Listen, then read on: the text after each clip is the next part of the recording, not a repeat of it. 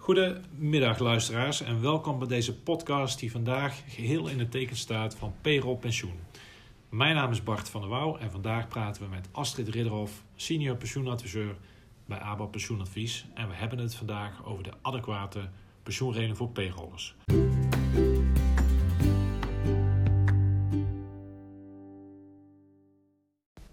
Astrid, goedemiddag. Goedemiddag eh, Bart. Uh, op 1-1-2021 hebben alle payroll-werknemers recht op een adequate pensioenregeling.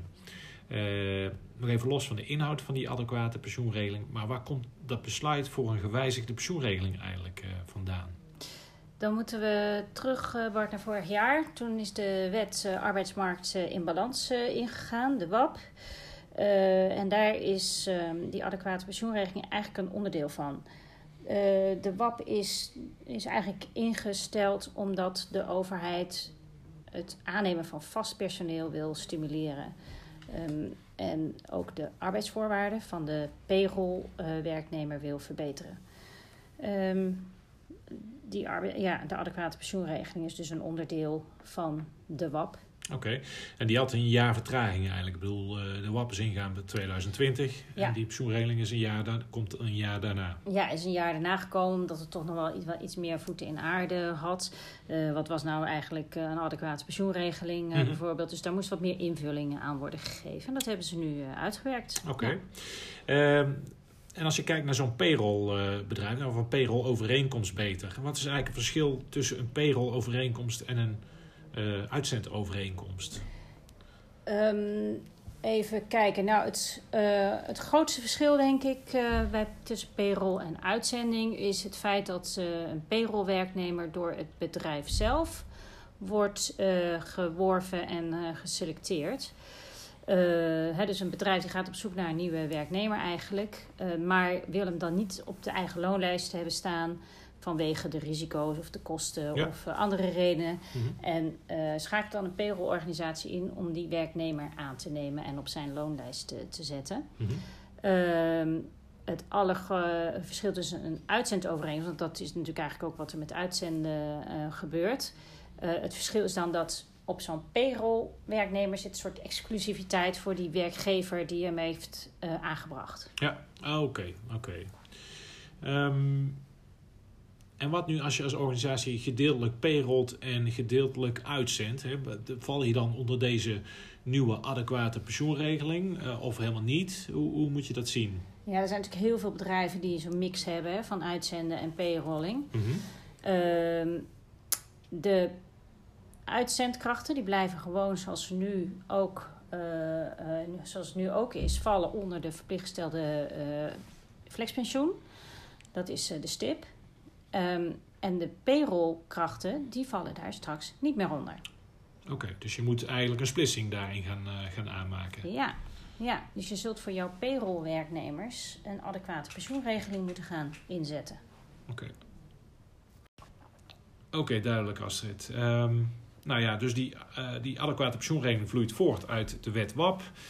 Uh, met een jaar vertraging wordt die per 2021 ingevoerd. Um, je gaf ook heel duidelijk een verschil aan tussen een payroll-overeenkomst en een uitzendovereenkomst. Daar zit natuurlijk wel wat verschil tussen. En ook wat je moet doen als je uh, zowel payrollt als uitzendt. En dus een mix van uh, die werknemers hebt. Um, als we nu gaan kijken naar die adequate pensioenregeling, want daar draait het hier dan, dan toch om. wat is nou eigenlijk wat is een adequate pensioenregeling? en wat is, Peter, wat is de inhoud van zo'n regeling? Um die adequate pensioenregeling uh, vooropgesteld uh, dat je als payrollorganisatie verplicht bent om je payrollwerknemers een adequate pensioenregeling toe te zeggen. Dan heb je eigenlijk twee smaken. Je kunt je of vrijwillig of verplicht aansluiten bij een bedrijfstak pensioenfonds. Uh, in de branche waar jij werkzaam bent met mm -hmm. je payrollwerknemers. Of je sluit een eigen adequate pensioenregeling bij een uitvoerder. Ja, het lijkt me het makkelijkst om dan bij uh, de bedrijfstak uh, pensioenfonds aan te sluiten waar je bij hoort. Ja, klopt. Dat is natuurlijk uh, de makkelijkste. Dan, dan weet je ook zeker dat de regeling adequaat is. Hè? Want de werknemers van de bedrijven waar jij je payrollwerknemers te werk stelt, die zitten in die regeling. Ja, juist. Ja. Dus als jouw werknemers, uh, jouw payrollwerknemers daarin kunnen deelnemen, zou dat natuurlijk de makkelijkste oplossing zijn. Ja. Uh, nu is het zo dat niet ieder bedrijfstak pensioenfonds daarop zit te wachten. Uh, dus dan is het de vraag of zij um, jou willen aannemen, zeg maar, jouw werknemers willen, willen opnemen in die pensioenregeling. Oké, okay, daar zijn ze niet toe verplicht. Daar zijn ze niet toe verplicht, nee. Nee, niet altijd. Okay. Nee. Als je die, die adequate regeling, hè, je vroeg van wat houdt die nou eigenlijk in? Nou, de adequate pensioenregeling is eigenlijk dat de payrollwerknemers eenzelfde regeling krijgt als de werknemers waar zo'n payrollwerknemer te werk wordt gesteld bij, die, bij zo'n bedrijf. Mm -hmm. en dat kan dus inderdaad zo'n bedrijfstak pensioenfonds zijn. En als dat er niet aan de orde is, dan moet je een eigen regeling opzetten. Daar hebben ze ook voor gekeken naar de, naar de gemiddelde uh, bijdrage die een werkgever bij een bedrijfstak pensioenfonds uh, doet. Van alle pensioenregelingen in Nederland? Ja, van alle bedrijfstak pensioenfondsen in Nederland. Oh, ja. En dat is gemiddeld gezien is de werkgeverspremie 14,6 procent. Mm -hmm. En dat is eigenlijk ook het uitgangspunt, een van de uitgangspunten van die adequate pensioenregeling. Er zijn nog een paar voorwaarden, maar dit is eigenlijk wel de belangrijkste. Dus een werkgever moet minimaal 14,6 procent van de pensioengrondslag in een uh, adequate pensioenregeling uh, stoppen. Mm -hmm. um, en dat is, uh, die 14,6 procent is eigenlijk voor 2020 vastgesteld. Dus die gaat jaarlijks vastgesteld kunnen worden. We weten niet of ze dat gaan doen, maar het kan wel. Oké. Okay, okay. En je zei net vooropgesteld. betekent het zou, het, zou het zo kunnen zijn dat een payrollorganisatie in het geheel geen pensioen, pensioenregeling hoeft te treffen? Ja, klopt. Als het namelijk zo is dat die werkgever waar jij je payrollwerknemers uh, te werk stelt, als daar helemaal geen pensioenregeling is, mm -hmm. en dat is ook niet in de branche gebruikelijk, dan hoef je ook aan jouw werknemers, jouw payrollwerknemers, geen pensioen toe te zeggen. Oké, okay, oké. Okay. Dus, dus, dat, ja. ja, dus er is niet ten alle tijde sprake van een verplichting voor een adequate pensioenregeling. Dat moet je echt even toetsen. Uh, maar als dat die meeste payrollwerknemers, die zitten nu toch bij pensioenfonds uh, STIP, uh, moeten ze daar weg dan? Ja, wat je vaak ziet is uh, dat je door combinaties van payroll-werknemers met uitzendkrachten, mm -hmm. uh, dat alle werknemers van zo'n organisatie zijn aangemeld bij STIP. En, maar het, en het STIP is dus die verplichte pensioenfonds hè, voor de flexbranche. Ja. Maar er is echter al aangegeven dat die pensioenregeling van STIP niet adequaat genoeg is. Oh, die is, die is niet voldoende? Nee, die is niet voldoende. En um, we hebben allemaal gedacht van nou, Stip zal iets met een aanvullende regeling gaan komen dan. Want die willen die werknemers daar wel graag behouden. Ja, dat zou je denken. Ja, maar dus, dus net op de, op de website hebben ze gepubliceerd dat ze dat niet gaan doen. En dat ze vanaf 1-1-2021 alle payrollwerknemers, uh, ja, dat de pensioenopbouw daar dan gaat stoppen.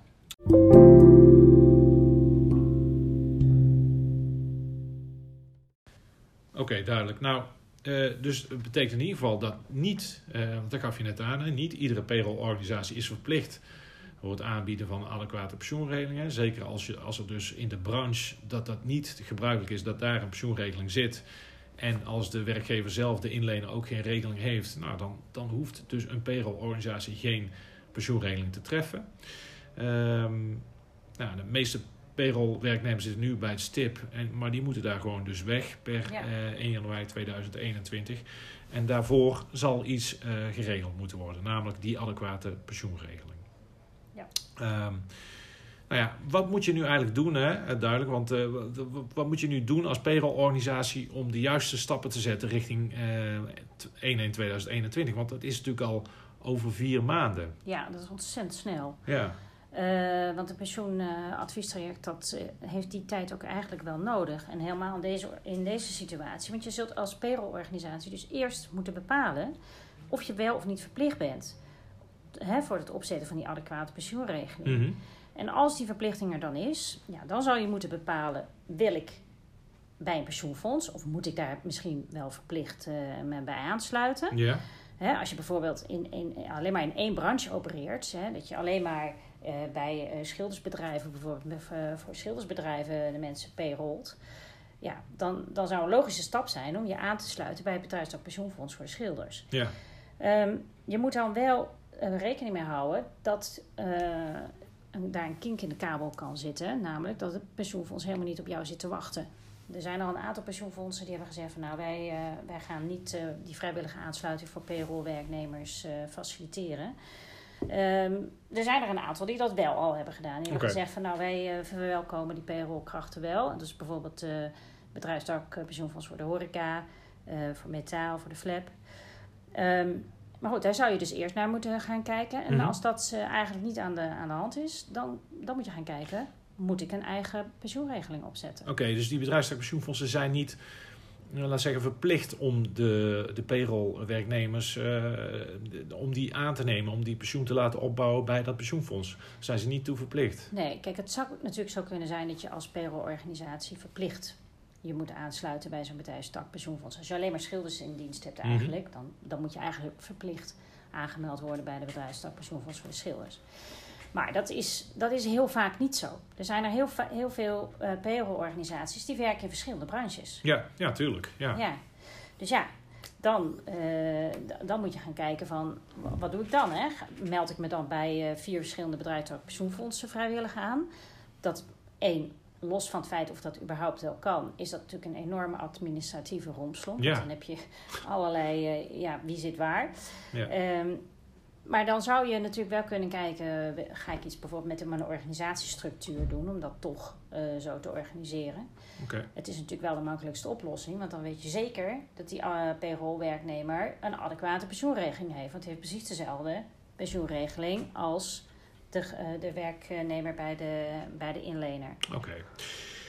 Dus ja, dus dat, dat, moeten we dus, dat is afhankelijk dus van het pensioenfonds of je als payroll-werknemer of een payroll-organisatie daarbij kunt, eh, kunt aansluiten. Nou, stel dat dat uh, niet is, dan ga je veel meer naar wellicht een verzekerde regeling, een adequate pensioenregeling of iets anders.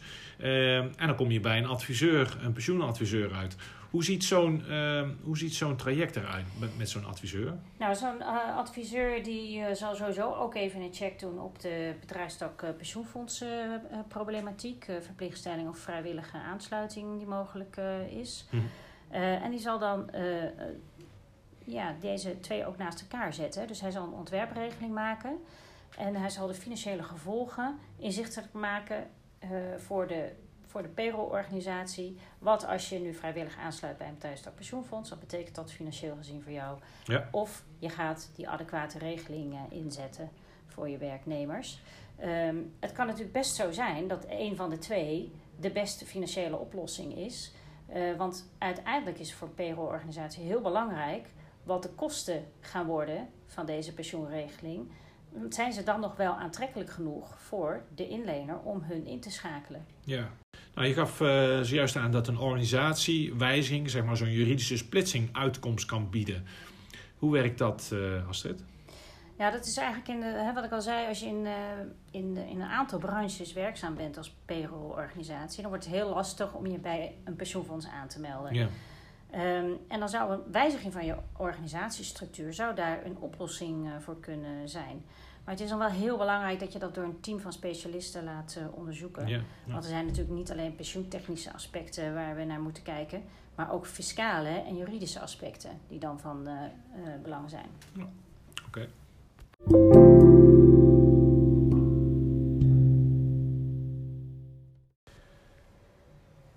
Als ik mag concluderen, Astrid, 1-1-2021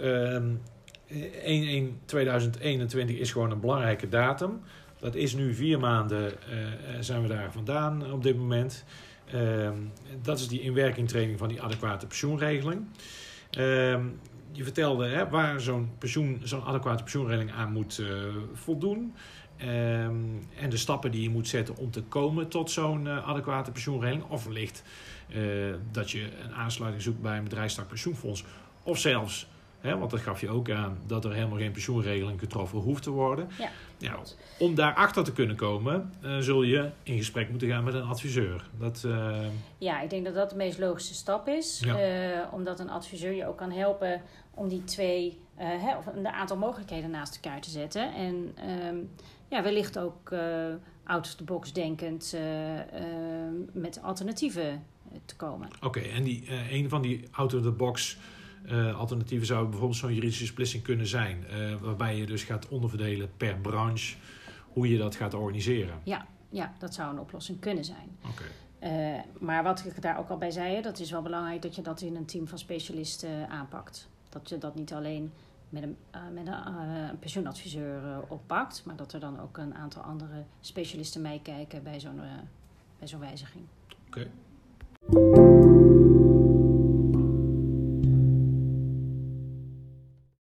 Dank voor de informatie, Astrid. Hoe kunnen organisaties, uh, payroll-organisaties je bereiken?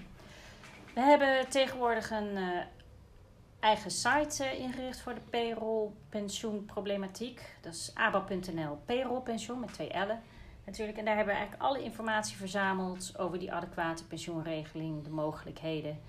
Er staan ook al onze contactgegevens op. Dus als een werkgever ons via die site of ons bereikt of belt, dan kunnen wij een vrijblijvende afspraak inplannen. Oké, duidelijk. Nou, nogmaals dank voor alle informatie. Het was heel duidelijk. Uh, luisteraars, u bedankt en graag tot een volgende podcast.